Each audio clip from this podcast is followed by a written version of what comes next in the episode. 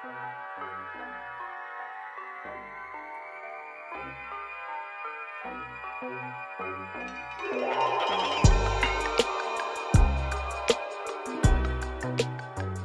den låten gjorde nok mye for oss. Vi kunne jo egentlig velge å vrake litt der. Avlys Sigrid. Vi dropper hele jævla konserten.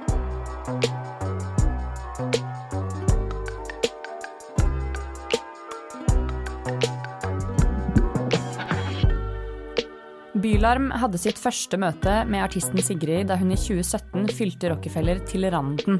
En seier i seg selv for enhver eh, Bylarm-artist.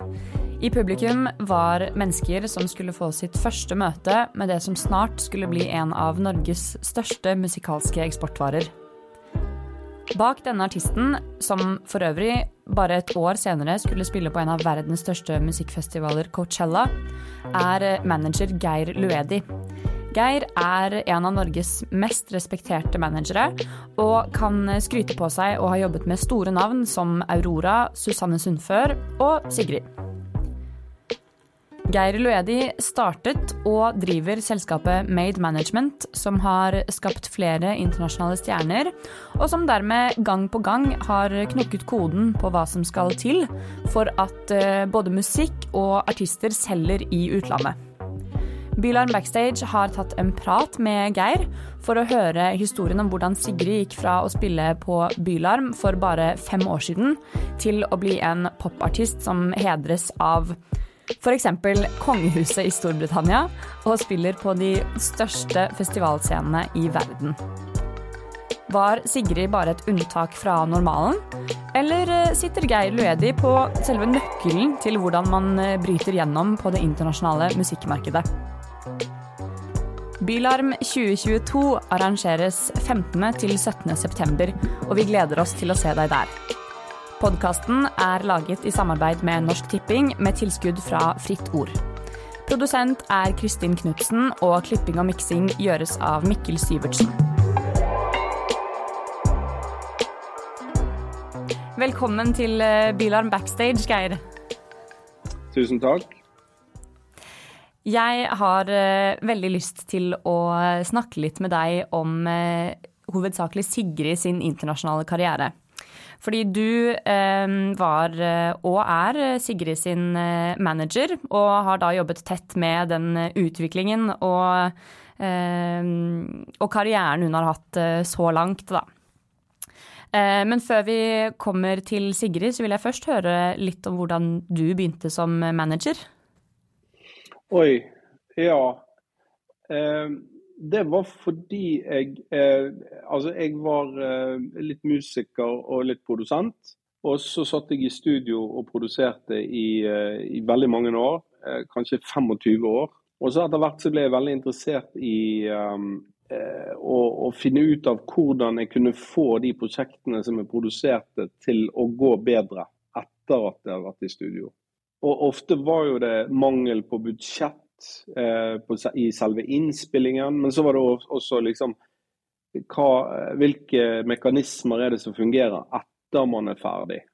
Og så begynte jeg å, å, bli så interessert i det at jeg nesten kunne forutse hvordan ting ville gå etterpå. Eh, I hvert fall hvis de skulle gå dårlig.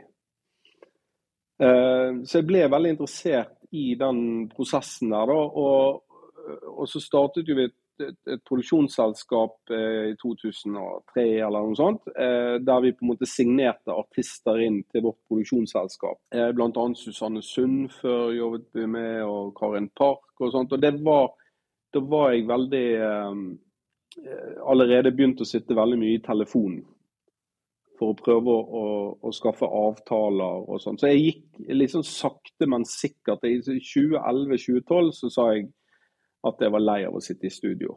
Um, og da fusjonerte jeg det selskapet og studio med Made Management. Og så satt jeg og la kabal på en laptop i et par måneder, og så dukket Aurora opp. Um, og det var liksom først når hun dukket opp at jeg bestemte meg for at nå, nå gjør jeg dette. Og så skal jeg passe på at jeg ikke gjør tusen andre ting. For når jeg jobbet i studio, så var jeg liksom studio, produsent, låtskriver, litt plateselskap, litt management, litt alt mulig. Um, så det var veldig sånn ufokusert. Så jeg bestemte meg for at nå skal jeg bare fokusere på uh, Aurora. Og så dukket Dipresen opp, og så dukket Sigrid opp. Vil du si at du oppdaget uh, disse artistene? Ja, på sett og vis. Altså, man, man, det er jo alltid noen som oppdaget det, det før ikke sant? Uh, altså, når jeg signerte Susanne Sundfør, så hadde hun jo et management. Uh, så det, det var alltid noen før. altså Til syvende og sist det foreldrene som oppdager de først. og de, um, Sigrid hun, jo, hun, ble jo signert til Petroleum Records når hun bare var 16 år gammel. Uh, og Det som skjedde der, i den uh, oppdagelsen om du vil, var jo at Kim Paulsen fra Petroleum Records ringte meg og spurte om jeg ikke hadde lyst til å høre på noe greier som, med en jente som han jobbet med. Og så husker jeg veldig godt at jeg sa at det har ikke lyst til å høre på engang, for jeg har ikke tid. Um, og jeg hadde veldig sånn fokus på Aurora spesielt. Men så Og han spurte meg et par ganger, liksom, og så fortalte han at ja, men nå, nå er hun på vei til Bergen, liksom. Fordi at hun, hun ga seg litt for å gjøre ferdig videregående. Men nå har hun tenkt å satse på musikken, og hun er på vei til Bergen. Og så sa jeg ja, men da får noen andre på kontoret ta et møte med henne, for jeg er ikke interessert. Og jeg visste ingenting om Sigrid. Altså, Jeg hadde ikke hørt en låt, jeg, ikke, jeg visste ikke hvordan hun så ut engang. Uh, så jeg var virkelig ikke interessert. Så var jeg på en konsert med Di Presno nede på Ole Bull. Og så uh, kom jo det en liten jente bort til meg og sa hei, jeg har så lyst til å ha et møte med deg. Jeg heter Sigrid. og så sa jeg ja, men vi kan jo alltids ta et møte, sa jeg. Og, og, og jeg husker at jeg ble veldig sånn Wow, dette var kult, liksom. Utrolig kul dame. Så jeg gledet meg veldig til det møtet. Um, og før det møtet så hadde jeg ikke hørt noen ting. Og så eh, hadde hun en Soundcloud-link med ti låter eller noe sånt. Uh, og da bestemte jeg meg med en gang for at det, dette har jeg lyst til å jobbe med. Mm. Altså det, jeg, jeg, husker jeg sa til henne at du er jo liksom det er jo Elton John-kvaliteter på låtskrivingen din her. Det er jo helt fantastisk, og vokalen din er fantastisk. Ja, dette har jeg lyst til å jobbe med. Er det såpass momentant når du skjønner at det er uh, riktig? Altså Skal det så lite til, den, eh, den, den magefølelsen? Uh, når, når, du på en måte kjenner at det er Sigrid du skal jobbe med. Hva, hva, er det som egentlig ligger i det? Er det, er det den låtskrivinga? Ja, altså det var låtskrivingen som først tok meg For jeg, eh, jeg, husker at de første innspillingene der ikke tok meg noe sted. Altså meg personlig. Det var ikke sånn at disse innspillingene er dødskule, liksom. Men det var eh, låtskrivingen hennes som var veldig imponerende og veldig utypisk på mange måter. For det var så eh, Det var en blanding av veldig sånn klassisk god låtskriving. Det var derfor jeg nevnte Elton John, liksom. Men det kom fra en så ung stemme og en så ung eh, person. da. Så jeg tenkte her er det en eller annen sånn crossover som er utrolig interessant. Um, og så hadde hun jo stemmen, da, som var eh, også en sånn altså hun, I forhold til det hun likte og alt sammen, så hadde hun en slags sånn Det var noe rock i det, syns jeg. Det var noe hiphop i det, og det var noe veldig pop i det. Men det var det var liksom alt det på en gang, ut, men det var også helt dønn ærlig og rett på sak. Uh, og jeg hadde aldri hørt noe sånt før. Altså Man kan snakke om folk som har en rasp i stemmen, altså Bonnie Tyler eller sånt, men det var liksom Og det var noe country inni der på måten hun skrev på også. Så jeg, jeg, jeg følte at det var så vanvittig mye der, da som jeg syntes var interessant.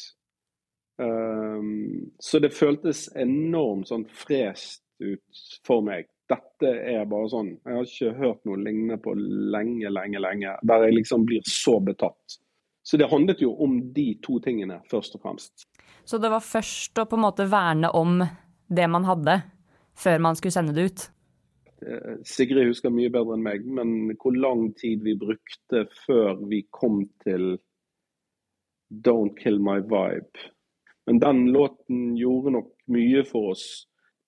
Ja da, altså Jeg hadde begynt å spille det opp litt for folk, men, men det var altså når vi sendte ut den låten der, så gikk jo det ganske fort før det ble eh, Altså, jeg eh, sendte det ut, og når jeg landet i London eh, Jeg har liksom sagt at jeg sendte det ut, og så reiste jeg rett på Flesland, men det er nok kanskje en overdrivelse. Men, men jeg husker jeg landet i London og hadde eh, rekordmange plateselskaper eh, på én dag etter meg. Um, så det var liksom bare å løpe rundt og begynne å snakke med folk, da. Mm. Uh, og så, så, hadde vi en Vi kunne jo egentlig velge å brake litt der. Og så landet vi på Island Records, og um, ja, det var, det var, en, uh, det var en gøy prosess. Og så skrev Sigrid nye låter hele tiden. Med, med Martin Sjøli og andre. Hun var jo veldig sånn også at hun på en måte Hele det DNA-greiene, det kommer veldig fra Sigrid. sant? Og det er litt atypisk engelsk på mange måter. sant? At hun, hun satt jo i et møte liksom og sa til en hel bunch med folk som kom fra London, at jeg har bare egentlig lyst til å gå med vrangler og hvit T-skjorte. Og det, det, var veldig Jeg husker jeg kvidde meg litt til det møtet, for det er ikke sånn som man sier til de folkene der nødvendigvis. sant? Eh, men så var det heldigvis en veldig smart, eh, kreativ eh, director eh, som, som, likte den ideen. da. Mm. Og, og, jeg tror ikke Sigrid Nudans mente at hun ville gå med det fordi hun syntes at det var kult. Jeg tror hun hadde lyst til å gå med det fordi hun hadde lyst til å være låtskriver og sanger. Mm. Men så kunne vi bruke det til noe positivt. At det var eh, passet veldig godt med 'Don't Kill My Vibe'. Mm. Og på en måte vise litt fingeren til Eh, alt det der eh, kosmetiske da, i bransjen. Det skapte jo en veldig identitet. Det gjorde det absolutt. Ja. Mm. ja. Og, og, det lå i musikken, og det lå i hennes visuelle uttrykk, og det lå ikke minst i hennes performance da, på, på scenen. Da, dette, da du var i disse møtene, det var vel i 2017, var det? Ja, Det husker jeg aldri. Ja, det var vel i 2017 vi signerte, var ikke det? Ja, tror, det var, tror det var det. I starten av 2017? Ja. Og så litt lenger ut i 2017 så spilte jo Sigrid på bransjefestivaler i Norge, bl.a. på Bylarm. Stemmer. Og hva, hva vil du si at det eh, gjorde for Sigrid sin karriere? Altså, det var jo en naturlig fortsettelse av det vi følte Eh, liksom, det, det, handler litt om at eh, en, en, platekontrakt gjør jo egentlig sånn at man, man, man, man får noen nye rammer å jobbe ut ifra. Men det gjør jo ikke at man ikke skal jobbe mer. Man skal jo jobbe dobbelt så mye. Så da må man ut og, og spille, presentere musikken for bransjen. Eh, og da er jo Byland eh, har jo vokst seg opp til å ha en, en god delegatliste og, og, bra med presse i Norge på, på, de tingene som er i hvert fall hypet opp litt. Og vi følte at vi hadde fått til å hype det opp litt.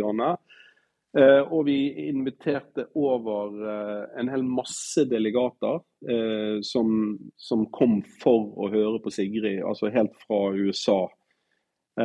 Så klart at det var mm, Vi gjorde jo flere sånne bransjefestivaler, altså Great Escape og og sånt etterpå. Og, og, de tingene er en av de måtene man kan bygge opp en artist på. Sånn at man ikke på en måte bare reiser til eh, et eller annet sted i England og spiller, og så må man stå for all den invitasjonen sjøl. Altså, Byland gjør jo mye av den jobben for deg, på en måte. Og det er masse folk som har lyst til å sjekke ut ny musikk som går der. Så det var jo det var en um, det var på en måte allerede i gang, så det hadde nok mer å si for Aurora når hun spilte på Byland, fordi at det var enda freshere, på en måte. Um, men vi, vi, begynte jo liksom Sigrid på Byland med å fylle opp Rockefeller. Så det er klart at da fikk hun mye presse, og det, det gjorde jo mye for uh, hennes karriere i Norge. Og, og det at vi fikk presentert det for masse utenlandske delegater, var også viktig. Det er jo noe med når det blir en sånn eh, snakkis, så sprer det seg jo fort. Ja. Men eh, for eh, Aurora, hvordan var det annerledes, mener du? Altså, Aurora var jo eh, Vi hadde jo ikke signert noen ting. Skjønner. Vi, vi var helt i starten. Mm. Og vi var uh, usikre på om vi skulle gjennomføre det. Og vi hadde sagt ja til å gjennomføre det, men, men vi satt litt på knappen med liksom, skal vi avlyse, eller skal vi gjøre det? Og to dager før vi gjorde det, så gjorde vi en konsert på Landmark i Bergen for å teste det ut. Mm. Og så uh, Og da bestemte vi oss for at vi skulle gjennomføre. Og det var jo eh, Vi visste jo ingenting om hvordan det ville gå. Og den store hypen på Aurora kom jo dag to hun skulle spille. Altså Ryktet gikk fra hun hadde spilt første dagen til andre dagen. Da sto det 300 mennesker i kø som ikke kom inn. Så det skjedde jo litt på Byland. Det var liksom Jeg husker jeg våknet denne morgenen, og, og så liksom det, det, var så mange ubesvarte anrop. Og vi hadde jo festet og alt sammen. Så det var bare sånn drrr, med, med meldinger og det var VG, og det var liksom Wow! En stjerne er født, liksom. Og det skjedde der. Uh, så ble det ganske busy etter det. Og, og, det var en hel masse delegater som jeg ikke hadde hørt om engang, som var på Bylarm, som tok kontakt. Så det var plutselig et, uh, et voldsomt trøkk, da. Så Bylarm var jo litt eh, Aurora sin Altså debut ut mot verden på mange måter. Ja, det er jo eh, fortsatt sånn at man eh, Det er flere som, som, lyver om at de var på eh, og så Aurora på herr Nilsen. flere, flere ja, ganger hvor man har hørt sånn Å ja, ja, der var jeg også. Men det stemte nok ikke. ja. Det var ikke plass til 2000 mennesker der inne. Nei. Jeg var der. Ja da, så det, det var jo Men jeg, jeg, husker jeg var jo jeg, Altså, jeg har gjort dette noen ganger med, med Bylarm og Susanne og alt sammen. Så var, jeg var eh, jævlig forbanna på Bylarm. Fordi at jeg, jeg, ringte til Bylarm og sa at jeg måtte ha Fordi vi skulle se altså Disse utenlandske delegatene som jeg hadde med, vi skulle på noen flere konserter. Og jeg var litt sånn Jeg hadde med meg folk rundt. Og så spurte jeg da om jeg kunne få lov å um, stå på gjesteliste på, på Rockefeller med de ti delegatene som jeg hadde med meg. Sånn at jeg var sikker på at vi kom oss inn. Uh, og da tenkte jeg eh, Det er jo ikke noe problem, for dette er jo meg som har, Det er jo vi som har hun på Rockefeller. Og, og fyller opp Rockefeller. Litt for bylarm, ikke sant? Men så sa han fyren nei. Det får du ikke lov til. Uh, og Så spurte vi om å få snakke med sjefen, han sa nei, det får du heller ikke. Det er policyen vi har. Management uh, de, de, skal ikke på noen gjesteliste her på Byland. Så sier jeg, men, men da, de delegatene er jo kommet fra USA, annet. Skal ikke de få komme inn? Vet vi ikke om de kan komme inn, eller må de droppe en konsert? liksom? Ja. Er du helt sikker på dette, sier jeg. Ja. OK, da avlyser jeg konserten. Og så ringte jeg til uh, vår bookingagent i Norge, og så sa jeg Thomas, avlys Sigrid. Vi dropper hele jævla konserten. Det var såpass, ja? Uh, hvorfor, det, ja, hvorfor det, da, sier han. Ja, fordi at eh, vi har en hel masse delegater som vi har tatt over til, som vi har fått over til Oslo fra USA, til Bylarm. Uh, og jeg vil at de skal få komme inn på den konserten. Men Bylarm sier at det vil ikke de være med på å hjelpe til med. Og da kan de drite og dra. Jeg var så forbanna. Og så uh, sa Thomas at vi skal ikke avlyse. Nå må du slappe av litt, Geir. Dette fikser jeg. Og så um, fikk han ikke noen gjestelisteplasser av Bylarm, han heller. Men han fikk det av Rockefeller. Ja. En liten snarvei der. Nei, men dette må vi ta selvkritikk på, altså. Ja, jeg, jeg, så jeg ringte til uh, altså Når han ringte meg og sa at det er fikset, så sa jeg flott, da gjennomfører vi jo denne konserten. uh, men det var først etterpå han sa at det var Rockefeller som hadde fikset det. Ja, hvis du hadde visst at uh, var ikke var Bylam som hadde fikset det, hadde det skjedd da? men det viktigste er at vi fikk det til. Og det ble jo en vellykket konsert. Det var jo kjempegøy. Ja, det viktigste er at det gikk til slutt. Og ja. Og kanskje at det har vært en endring, som du sier, eh, siden det, da. Ja, vi får se neste gang. ja, vi finner alltids en løsning. Mm. Litt tilbake til, eh, til, det som kom etter, da. Den, den reisen ut av landet. Um, hvordan, I hvilken rekkefølge skjer sånne ting? Hvor er det man på en måte må nå ut til først? Nei, Det ligger jo i strategien, på en måte hva, og den diskuteres jo hele tiden. på en måte, at liksom skal vi begynne i London, eller skal vi begynne i Europa, eller skal vi begynne i USA? eller skal vi begynne, Hvor, hvor skal vi det, det, var jo naturlig for oss å gjøre veldig mye aktiviteter i England siden Island Records UK hadde signert Sigrid. Og så etter hvert eh, sakte, men sikkert begynne å, å, å ta, ta, litt Europa. Men så fikk jo vi veldig mye interesse fra Island i USA med en gang, så vi begynte jo å gjøre ting der også. Er det riktig at, uh, at i 2018 så spilte Sigrid Coachella? Ja. Det er jo en ganske rask uh, eskalering uh, som har skjedd i mellomtiden der. Det gikk veldig fort. Og det, det liksom, man, man, man, gjør jo de aktivitetene der det er respons også. Og, og, Island fikk jo til veldig mye med, med Don't Kill My Vibe. Og ikke bare i England, men over hele verden. Jeg følte på en måte at den launchen der eh, har ikke jeg sett lignende. Altså med, med, nye artister som blir lansert på Universal på den måten. Fordi at hun var jo et helt ukjent navn. Og dagen etterpå så hadde hun streamet en halv million. Var det, en, eh, var det, bevisst at det var England som skulle satses på, eller var det bare noe som eh, kom naturlig når man, når man så responsen der? Altså Den gang i større grad enn i dag, men òg fremdeles, så er jo London eh, et slags hovedstad for popmusikken i Europa. Mm. Så det er jo dit man vil. Mm. Men det var mange som kjørte en annen strategi enn det i begynnelsen. Altså Dua Lipa, Lana Del Rey. Eh, mange artister som har begynt i Tyskland, og, um, og så tatt det til England seinere. Men vi signerte jo ikke i Tyskland, vi signerte i England. Og, og, og da har du et selskap som ønsker å breake England. Deres insentiver ligger på å få streamingtallene høyt opp i sitt territorium. Um, og vi hadde jo signert for Universal over hele verden, bortsett fra Norge. Og, så vi hadde et plateselskap som jobbet hardt for at det skulle gå bra i Norge, og et selskap som jobbet hardt for at det skulle gå bra i England. Og så um, er jo det engelske labelet de er jo uh, koblet opp mot Universal International, som er armen ut mot, mot alle.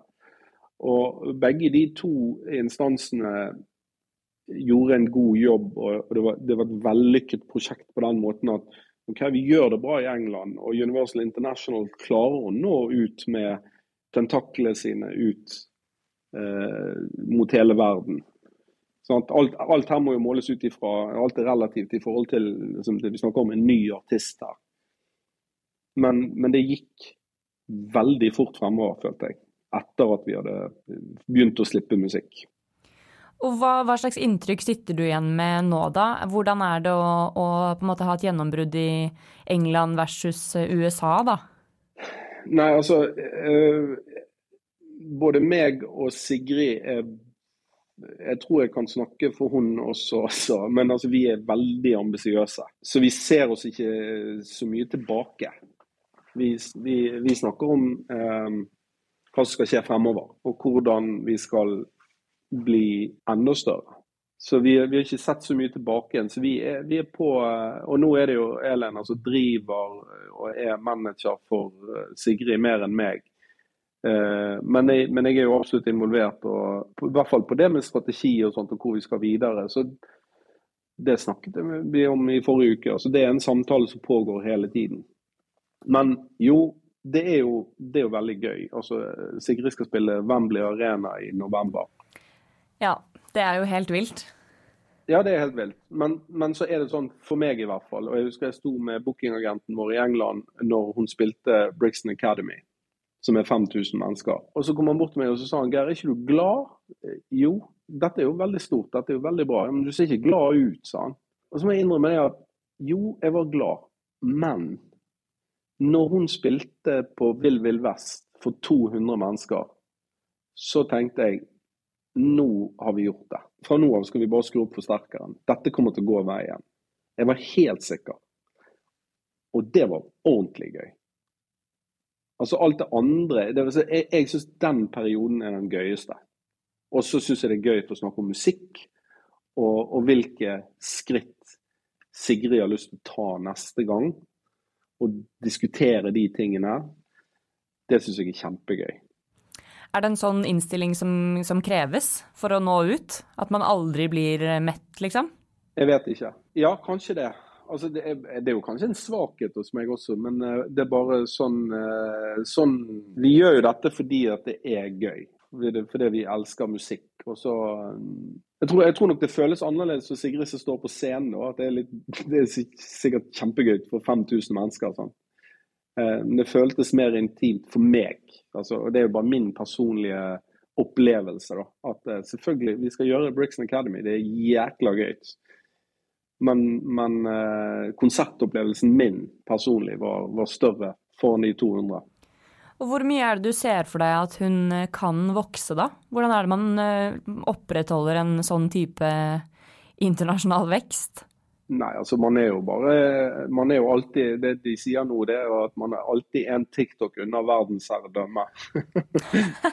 er det det man sier nå? man, er, man, går jo for full pakke. Sant? Men vi skal jo prøve å ta Man må prøve å ta verden, liksom. Eh, altså, jeg, jeg, lurer litt på dette, dette Sigrid-DNA-et. Hvordan er det man eh, opprettholder det når, eh, når den internasjonale virvelvinden er i gang?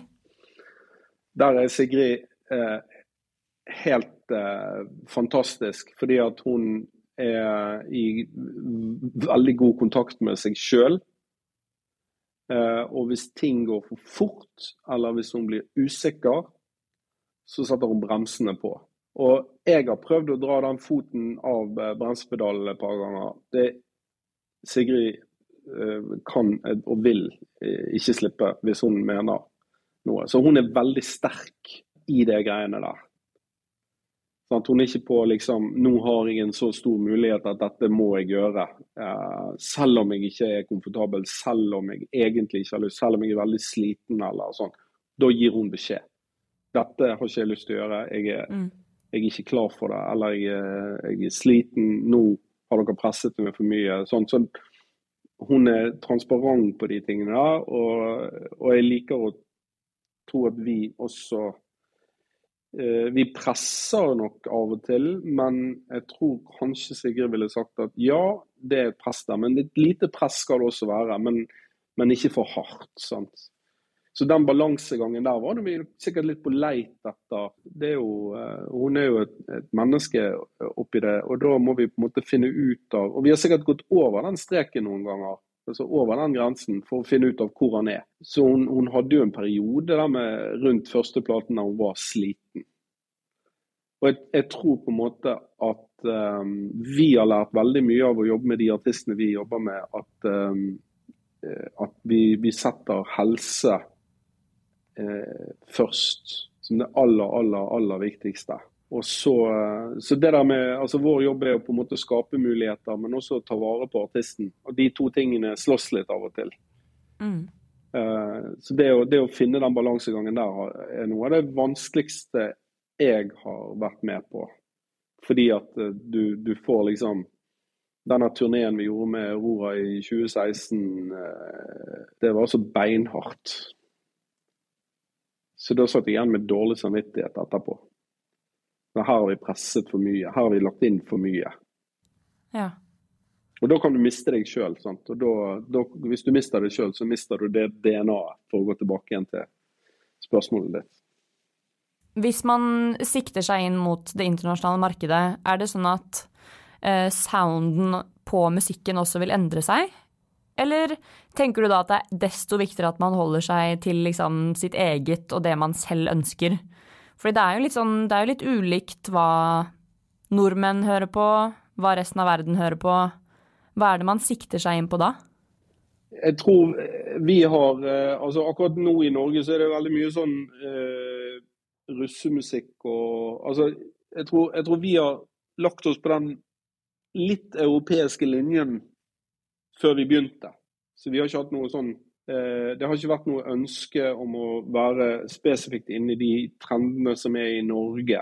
Det har, det har vel mer vært eh, inspirasjonskilder fra popmusikken i verden som har vært utgangspunktet. Men jeg liker likevel å tro, og jeg mener at det er et norsk DNA inni det. da. Men det er veldig vanskelig å forklare. Men eh, vi er nok litt mer left eh, enn det vi tror. Sånn at eh, i USA så er Sigrid indie. India? Og, og Aurora, Aurora, er mer kunstmusikk. ja. Sant? Det, det, er liksom Bjørk. Hun er helt ute på siden, liksom. Um, mens i Norge så går jo det på, på P3, sant? som er en popkanal. Mm. Så, så vi, vi, har nok trodd at vi er mer kommersielle enn det vi egentlig er. Og jeg er veldig komfortabel med å være litt på, på venstresiden av det der uh, pupper og lår-greiene. Så, du Dua Lipa, sant? det er jo uh, jækla bra popmusikk og alt sammen. Men altså, den Instagrammen der er jo en liten sånn lettpornokanal, nesten. Sant? Og hun, hun simulerer jo sex på scenen, og det er liksom Jeg kjenner jo på meg at jeg syns det hadde vært vanskelig å være manager for et sånt prosjekt. der liksom Mm. Ja, nå var du jævlig kul, liksom. Eh, men, og, og, det er jeg veldig glad for, liksom. Altså, de artistene som jobber med det, Jeg føler ikke at vi er helt der, da. Vi er på siden og er veldig opptatt av musikken og beskjeden, og at det er ærlig og direkte. og Jeg tror det ligger noe norsk mentalitet bak der. Men selvfølgelig musikken er inspirert ut av store trender i, i uh, populærkulturen fra hele verden. Mm. Jeg tenkte for, eh, for, å runde av litt som, som litt et sammendrag. Eh, hvordan er det du eh, tenker at det internasjonale markedet ser ut eh, fremover? Er det vanskeligere eller lettere å, å slå igjennom eh, utenfor landegrensene, for å sette det helt sånn på spisen? Oi. Det er, det er vanskelig spørsmål pga. pandemien. Mm. Um, fordi at vi er, vi er, så langt ifra tilbake igjen. Mm. Folk har endret vanene sine i forhold til det med å gå på konsert. Uh, de kjøper billetter seinere, det er vanskeligere. Plateselskapene satt jo investeringene sine på, uh, på hold. Og, og, folk lurer litt på hvordan musikkindustrien skal forandre seg nå, fordi at man har på en måte eh, mange sånne brytningstider i, sikkert i mange industrier, men i musikkindustrien har kommet litt som et, som et resultat av det forrige som skjedde. Altså at, at CD-en døde fordi at nå skjer dette, og MP3-filene kom fordi at sånn. Og, sant? Mens pandemien den kom bare sånn bank, helt uten noe og forandret eh, alt. Og Så blir det spennende å se om den investeringsviljen kommer tilbake igjen. Eh, og Hvilken betydning de store plateselskapene skal ha fremover. Og Det er ingen tvil om at eh, mener, de bygningene der skal jo ikke rives. Men de har jo mistet litt av eh, markedsandelen sin. Og vi ser jo nå at det er mye man kan gjøre sjøl pga. at internettet er så demokratiserende. Så det er veldig spennende tider. Eh, men det er ingenting som tilsier at det skal bli noe lettere. Men jeg vet ikke om det blir tyngre. Altså, det som er den vanskeligste biten uansett, er jo på en måte at man må lage musikk som er relevant og som er helt sinnssykt bra. Mm. Spotify slipper mellom 50 og 100 000 sanger hver eneste dag. Uh, og man har, tro, liksom, man har det med å tro at det jeg holder på med, er det beste. Men det er ikke alltid sikkert det, altså. Mm. Så man, man, må liksom ta noen flere runder på det med A&R. At man liksom går virkelig inn i produktet og ser liksom, er det noe her vi kan gjøre enda bedre. Mm. Uh, og det er jo det som er spennende med jobben. da. Men lett blir det ikke. Nei. Da vil jeg bare si takk eh, til deg, Geir, for at du ville dele. Eh, litt av dine suksesser. Bare hyggelig. Veldig glad i Bylarm og gleder meg til neste gang allerede. Ja, det gleder vi oss også til. Det er jo ikke så lenge til. Det er ikke lenge til. Det blir kjempegøy. Det blir eh, helt herlig å samles der.